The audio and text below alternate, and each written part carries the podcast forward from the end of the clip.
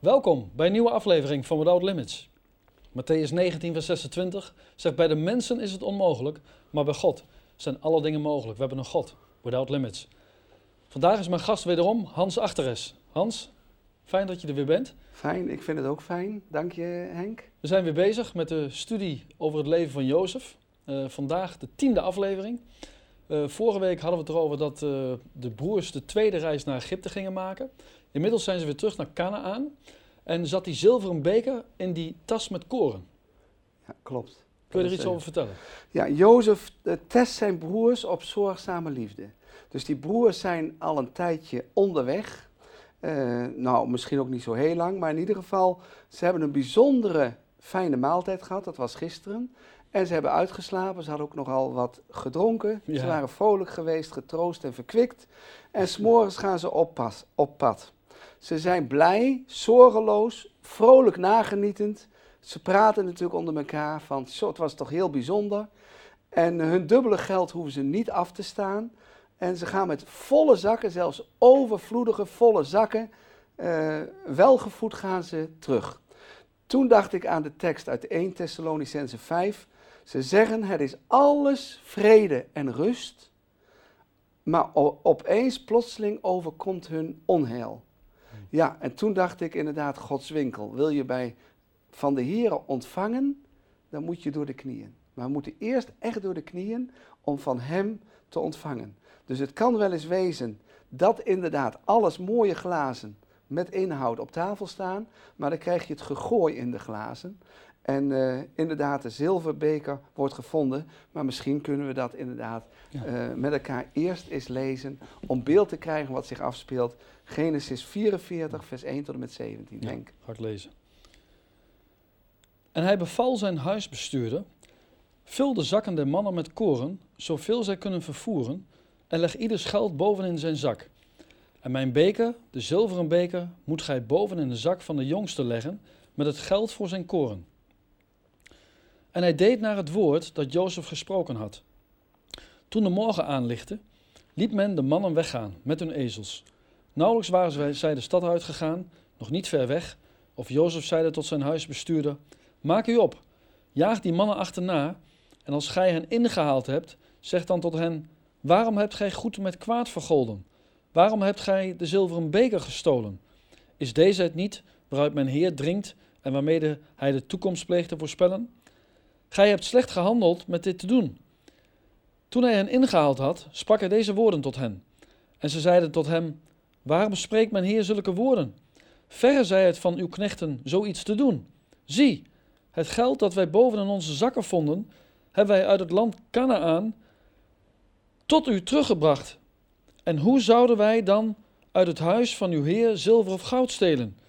Diegene van uw knechten bij wie de beker gevonden wordt, mogen sterven, en bovendien zullen wij, mijn Heer, tot slaven zijn. Daarop zeide hij hen, daarop zeide hij, wel aan, het zij zoals gij gezegd hebt, diegene bij wie hij gevonden wordt, die zal mij tot slaaf zijn, maar gij zult vrij uitgaan. Toen haastte ieder van hen zich zijn zak af te laden op de grond en ieders opende zijn zak. En hij stelde een onderzoek in hij begon bij de oudste en eindigde bij de jongste. En de beker werd gevonden in Benjamins zak. Toen scheurden zij hun klederen en ieder van hen belaadde zijn ezel en ze keerden terug naar de stad. Zo kwam Juda en zijn broeders in het huis van Jozef, waar hij nog was, en zij wierpen zich voor hem ter aarde. En Jozef zeide tot hen, wat is dat voor een daad die gij bedreven hebt? Wist gij niet dat een man als ik dat ongetwijfeld moest ontdekken? Daarop zeide Juda, wat zullen wij tot mijn Heer zeggen? Wat zullen wij spreken? En waarmee zullen wij ons rechtvaardigen?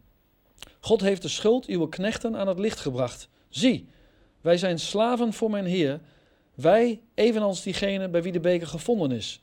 Maar hij zeide tot hen, het zij verre van mij dat te doen. De man bij wie de beker gevonden is, die zal mij tot slaaf zijn, maar gij trekt in vrede naar uw vader. Waarom speelt Benjamin hier nou zo'n sleutelrol in? Hè? Uh, ja, voelen ze dat als Gods oordeel? Ja, ik denk het Henk uh, wel. Uh, kijk, Jozef wordt ook van bovenaf geïnstrueerd. Dat is natuurlijk bijzonder. Jozef doet inderdaad nog een proef, nog een test. Hij wil, om het zo uit te drukken, dieper in het hart doordringen van die broers. Nog dieper. Dus s'nachts, wanneer zij, om het zo uit te drukken, hun roes uitslapen, gaat hij in het diepste geheim Jozef opdracht geven om die zakken overvloedig te vullen. Geld hadden ze al teruggekregen, maar die zilverbeker van de onderkoning moet bovenop in de zak van Benjamin geplaatst worden. Die broers hadden natuurlijk al lang zitten loenzen onder het uh, middagmaal naar die beker. Die hadden ze al lang gezien. Van hé, hey, je moet kijken, daar zit. Dus hij was natuurlijk het voorwerp van hun aandacht. Dat was die onderkoning, Jozef. Hé, hey, moet je eens kijken waar hij uit drinkt. En noem maar op. En wie naast hem zit. Maar Jozef wou weten, is de hardheid en de onverschilligheid bij die broers nog steeds aanwezig als vroeger? Dus wij moeten bij mensen niet, als wij eens een keer een conflict hebben of een probleem met mede-christenen, gelovigen, uh, geldt ook voor andere mensen, niet direct een punt zetten, maar een komma. Jozef deed het ook. Jozef heeft achter zijn broers ook geen punt gezet, maar hij zette een komma. Hij wou hun inderdaad testen. En ze gingen terug, wat ik al reeds zei, opgewekt. Ze hadden een goed gevoel, het was prachtig weer, het was een zalige dag. Ze hadden enorm geslapen en ze verheugden zich om straks hun vader Jacob te zien. En Benjamin is mee. Ze zijn blij en het is allemaal koek en ei. Maar dan zien ze daar een stofwolk in de woestijn. Denken, oh, er komen soldaten aan, paarden, die komen al dichterbij. En ze maken bij wijze van spreken al wat ruimte. Van uh, laat ze langs gaan.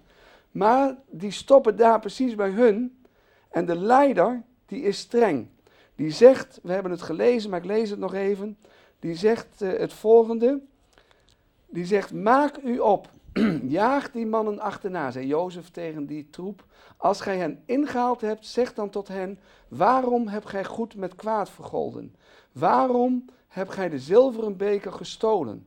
Is deze het niet waaruit mijn heer drinkt? Etcetera. Dus ja, ze worden dus beschuldigd. En uh, zij denken inderdaad, we zijn toch geen dieven?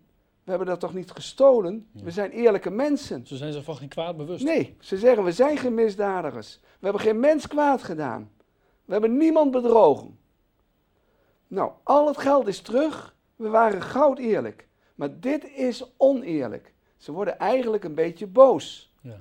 Dus dat merk je in uh, vers 9. Degene van uw knechten, bij wie de beker gevonden wordt, mogen sterven. En bovendien zullen wij mijn Heer tot slaven zijn. Dus ze zeggen, er is niets aan de hand met ons. Uh, we mogen zelfs de dood sterven als je het vindt. Ja. En slaven van ons maken. Dus ze geven hier eigenlijk aan hè, dat ze zeker weten dat hun het niet gedaan hebben. Ja, ze zeggen van, uh, ja, die mensen, eigenlijk die soldaten of die hofmeesters al erbij bij geweest zijn, die zeggen, ja, moet je zien wat, wat die onderkoning voor je gedaan heeft. Extra koren, een middagmaal en zeggen, nou akkoord, we gaan een nauwkeurige inspectie uitvoeren.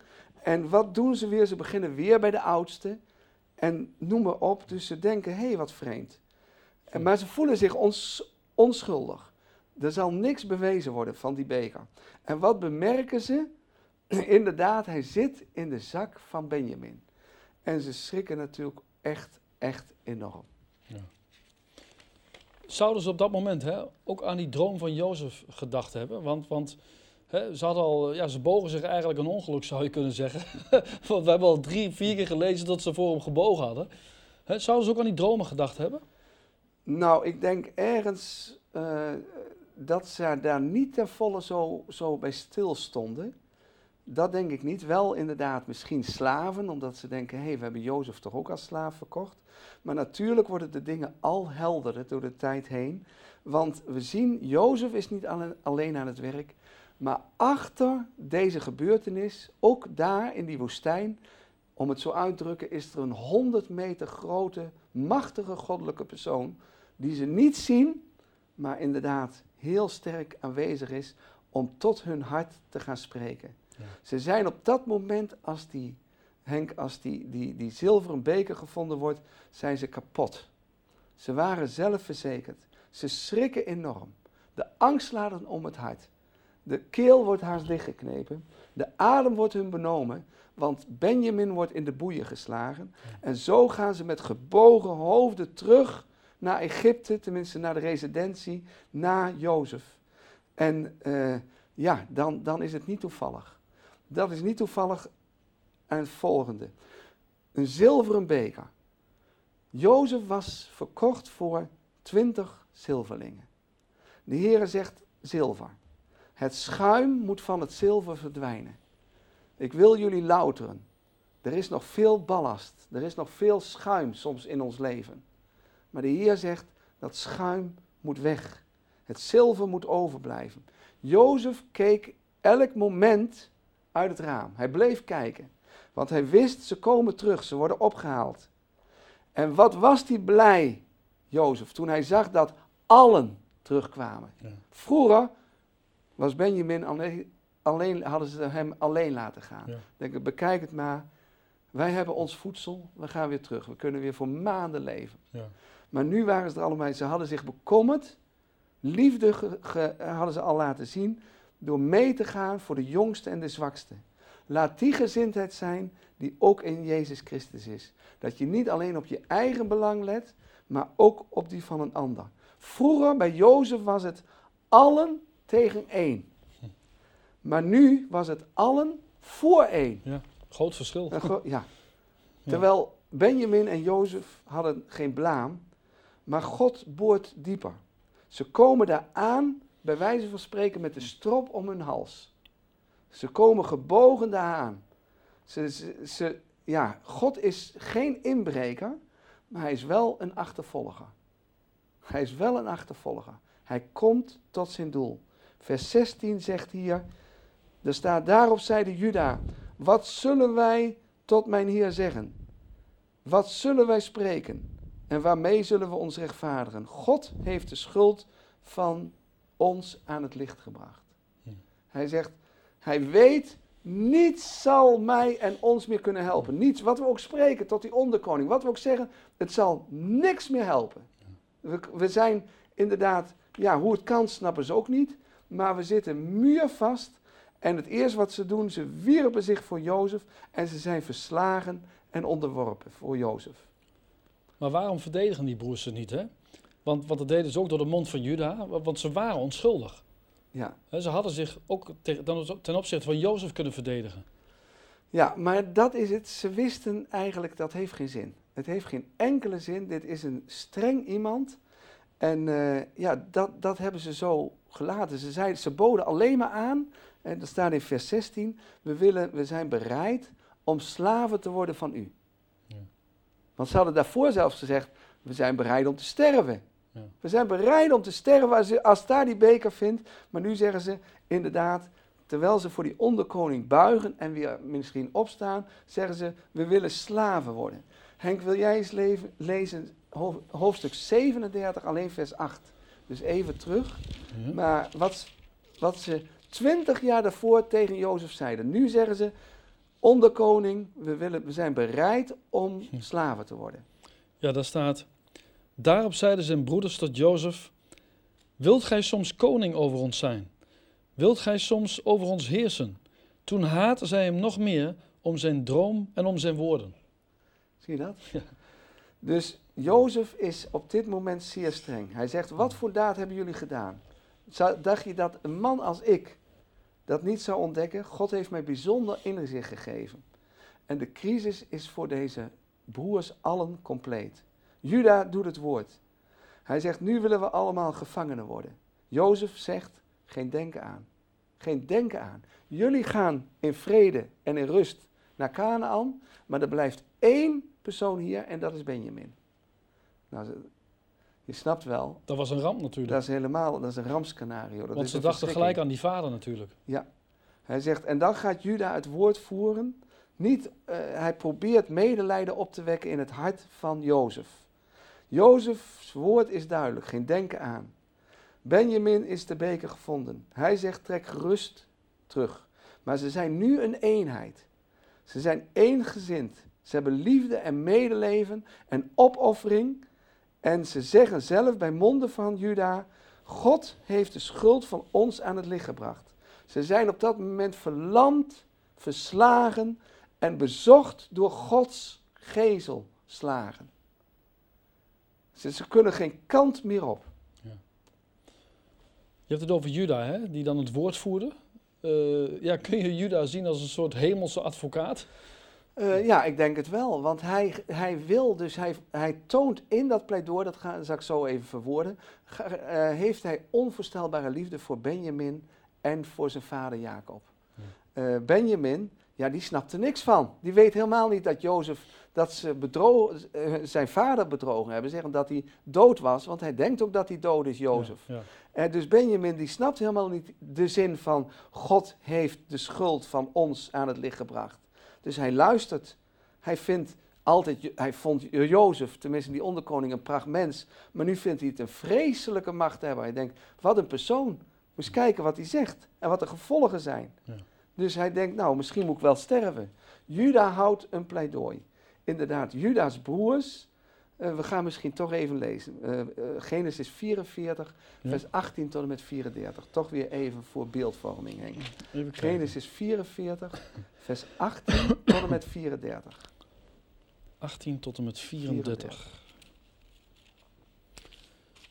Ja, daar staat.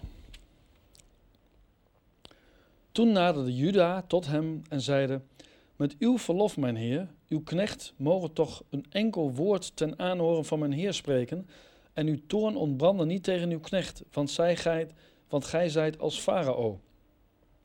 Mijn heer heeft zijn knechten gevraagd: Hebt gij nog een vader of een broeder?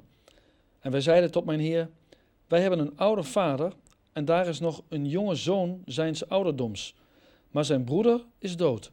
Hij is de enige overgeblevene van zijn moeder, en zijn vader heeft hem zeer lief. Toen zeide gij tot uw knechten: Breng hem tot mij, opdat ik mijn ogen op hem sla. Maar wij zeiden tot mijn heer: De jongen kan zijn vader niet verlaten, want verlaat hij zijn vader, dan zal deze sterven. Daarop zeide gij tot uw knechten: Indien uw jongste broeder niet met u meekomt, zult gij mijn aangezicht niet meer zien. Nadat wij naar uw knecht, mijn vader, waren teruggereisd, deelden wij hem de woorden van mijn Heer mee. Toen nu onze vader zeide: Gaat ons weer een weinig voedsel kopen, zeiden wij. Wij kunnen niet heen trekken als onze jongste broeder niet bij ons is. Dan zullen wij heen trekken, want wij zullen het aangezicht van die man niet mogen zien wanneer onze jongste broeder niet bij ons is. Daarop zeide uw knecht, mijn vader, tot ons: Gij weet dat mijn vrouw mij twee zonen heeft gebaat. De ene is van mij weggegaan en ik heb moeten zeggen, voorzeker is hij verscheurd en ik heb hem tot nu toe niet weerder gezien.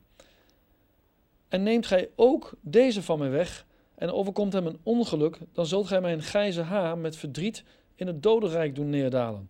En nu, wanneer ik bij uw knecht, mijn vader, kom en de jongen niet bij ons is, aan wiens ziel zijn eigen ziel nauw verbonden is, dan zal het gebeuren, als hij ziet dat de jongen er niet is, dat hij sterven zal, en uw knechten zullen het grijze haar van uw knecht, onze vader, met verdriet in het dodenrijk doen nederdalen. Maar uw knecht is borg geworden voor de jongen bij mijn vader met deze woorden. Indien ik hem niet tot u breng, dan mogen ik te alle tijden tegenover mijn vader schuldig staan. Nu dan, laat toch uw knecht in de plaats van de jongen als slaaf voor mijn heer achterblijven, en de jongen trekken met zijn broeders mee. Want hoe zal ik naar mijn vader heen trekken wanneer de jongen niet bij mij is? Ik zou het verdriet niet kunnen aanzien dat mijn vader zou treffen. Ja, Henk, je zei toen straks al inderdaad, is die Juda een soort hemelse advocaat? Nou, ik denk dat het nu overduidelijk is. Hij is zo. Juda en zijn broers, vroeger hadden ze iets over zich van bekijk het maar. Hè? En ze hebben spijkers geramd in het hart van Jacob. Ze hebben bedrogen tot en met. Ze hebben gezegd, kijk hier, dit kleed. Hij is door een wild dier verschuurd. Hij is dood. Ze hebben zijn vader, hun vader voor twintig jaar littekens bezorgd. Een onvoorstelbare depressie. Ik denk zelf, God kan de zonde van ons hart, denk maar eens aan onreinheid, liefdeloosheid, verkeerde gedachten, noem maar op, die kan en wil God vergeven. Maar zonden die wij anderen hebben aangedaan in erge mate, dan moet verzoening. Dan moeten we naar die ander toe. Dan moeten we zeggen, vergeef me. En dat geldt ook voor de kijkers en de luisteraars. Dat je zegt, misschien hebt u ook iemand waarvan u zegt, ja, inderdaad, ik moet naar die ander toe, ik moet me verzoenen. Juda is eerlijk. Hij is hierin een plaatsvervanger. Hij ontledigt zich vol liefde voor vader Jacob, voor Benjamin. Alle broers knikken terwijl hij spreekt. Ze hebben hem het woord gegund als misschien wel om zijn welsprekendheid en zijn overtuiging. Benjamin ziet de dood in ogen, want de onderkoning, om het zo uit te drukken, heeft gesproken. Hij smeekt, hij zegt, er is hier sprake van een noodsituatie. Hmm. Jozef is verbaasd. En inderdaad, hij pleit voor zijn broer. Hij is net als de leeuw van Juda, die inderdaad voor ons pleit. De hemelse advocaat, Jezus pleit voor ons ten goede. Ja. Soms vallen we onszelf tegen. Soms zal de Heer ook weten dat we Hem tegenvallen. Soms doen we nog dingen tegen beter weten in. Maar de Heer zegt, Jezus zegt, ik doe een voorspraak bij de Vader. Want je bent van mij. En ik hou van je. Ondanks je falen. Ondanks je fouten. Ondanks je zonde. Uh, Safnat Panea. Hij zegt, Juda tegen deze onderkoning. onderkoning, zie toch hoe dramatisch uw beslissing is. Voorzichtig en eerlijk is Juda zijn woorden. Benjamin is een gevangene. Jacob zal dodelijk bedroefd worden. Ik heb hem beloofd om veilig hem terug te brengen. En hij vraagt ontheffing. Hij doet een beroep op het medelijden. En hij zegt: Het wordt anders één familiedrama. En Benjamin luistert. Juda's stem trilt. Als we kijken naar Jozef, ehm, die woorden die Juda allemaal spreekt. Ja, wat zou dat met Jozef doen? Ja, hij is... Het is zijn broer die daar spreekt en hij ziet dat hij veranderd is. Ja, ja dat, ik heb hier ook staan, Jozefs gelaatspieren blijven strak. Dat is natuurlijk al een, dat blijven, dat is een kunst. Dat is al een wonder, dat is iets van God. Ja, ja. Maar zijn ogen branden. En dan van, van tranen, van, van ontroering. Hij is geheel ontroerd. Hij wordt getroffen door de liefde. Hun denken, Jozef is een doodgewaande. Maar hij staat hier, bij wijze van spreken, op 10 meter afstand van hun. Juda had gezegd in vers 20, zijn eigen broer, Jozef, is, die uit Rachel komt, de lievelingsvrouw van zijn vader Jacob, is dood. Daar staat hij. Dat is ongelooflijk. Ja. Het was een leugen. De enige die nog overgebleven is, is Benjamin. Maar toch, inderdaad, klinkt in alles bij Juda het herderlijke. Hij is vol emotie. Hij is inderdaad, om het zo uit te drukken, dus koningsstam. Hè, want al hier staan de twaalf stammen van Israël, staan daar. Jozef heeft een groot oor. Hij heeft brandende ogen. Hij heeft een huilend hart. Herhaaldelijk, ja, dat die vader Jacob, inderdaad, ja, daar denken ze aan. En uh, nou, ik wil nog even vers 34 lezen, even kijken. Vers 34. Oh ja, want hoe zal ik naar mijn vader heen trekken, of wij, wanneer de jongen niet bij mij is? Ja. Dus wanneer dat de jongen er niet bij is. Ja, dat was toen ook. Toen 20 jaar geleden. Toen was de jongen, onze broer, er ook niet bij. Ja, ze herkennen hem niet. Maar er zal wat gebeuren. En dan denk ik even aan het volgende. Vanmiddag, toen was ik even op, op de slaapkamer van mijn kleinzoon. En toen dacht ik, het is niet toevallig dat ik het over Jozef heb vandaag. Er stond, en dat had hij zelf geschreven, Farao op zijn troon droomt een wonderlijke droom. Daarom laat hij Jozef komen. En dan worden alle dromen van de koe en koren aar en de maan en de sterren waar. God heeft alles omgekeerd. Jozef wordt als vorst vereerd. En de broers zij moeten buigen. En het kwade valt in duigen. Zo houdt God door Jozefs hand het volk van Israël in stand. Goh, prachtig. Ja, bijzonder. Bijzonder, bijzonder. Zij herkennen Jozef niet. Toen Jezus opstond uit de dood, terwijl ze Jezus heel goed kenden, herkenden ze hem ook niet. Maria zegt, het is de tuinman. De discipelen zeggen, dit kan niet waar zijn, we, we, we, het is een droom of het is gefilmd, om het in deze tijd te zeggen. Maar daar stond Jezus, hij was het. Hij zegt, kijk maar, Thomas, voel maar hè, in mijn zij. Geef me maar te eten, ik ben het. Ik ben het echt. Vrees niet. Wees niet bang. De Emmausgangers hadden het niet door. Ze hadden al heel lang met Jezus opgetrokken, onderweg. Totdat ze zagen, toen ze brood en dronken, et cetera, brood aten en dronken, zagen ze daar inderdaad dit. Ja, wonderlijk. Inderdaad, Jozef, ja, nou naderen we natuurlijk bij het volgende aflevering, het einde, dat Jozef zich gaat openbaren. Hij maakt zich bekend. Je zou haar zeggen, hij kan niet meer. Ja. Alles in hem roept om zich bekend te maken. Hij is, om het zo uit te drukken, tot het uiterste gegaan. Maar wat ik zo bijzonder mooi van Jozef vind, en ik ben daar heilig van overtuigd, hij heeft ontzettend goed geluisterd naar God. God sprak tot, tot hem door zijn geest, door zijn gedachten, gaf hem wijsheid, inzicht, wat hij moest doen, hoe hij het moest doen. Ja, en dan kom ik inderdaad bij de typologie tussen Jozef, een type van Jezus Christus.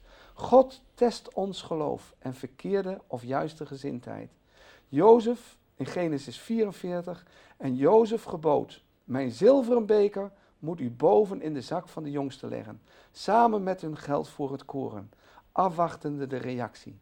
Jezus Christus, zegt in Johannes 6, hij vroeg dat om hem op de proef te stellen zijn er nog in ons zonden van het hart ten opzichte van onze naasten. Dankjewel Hans.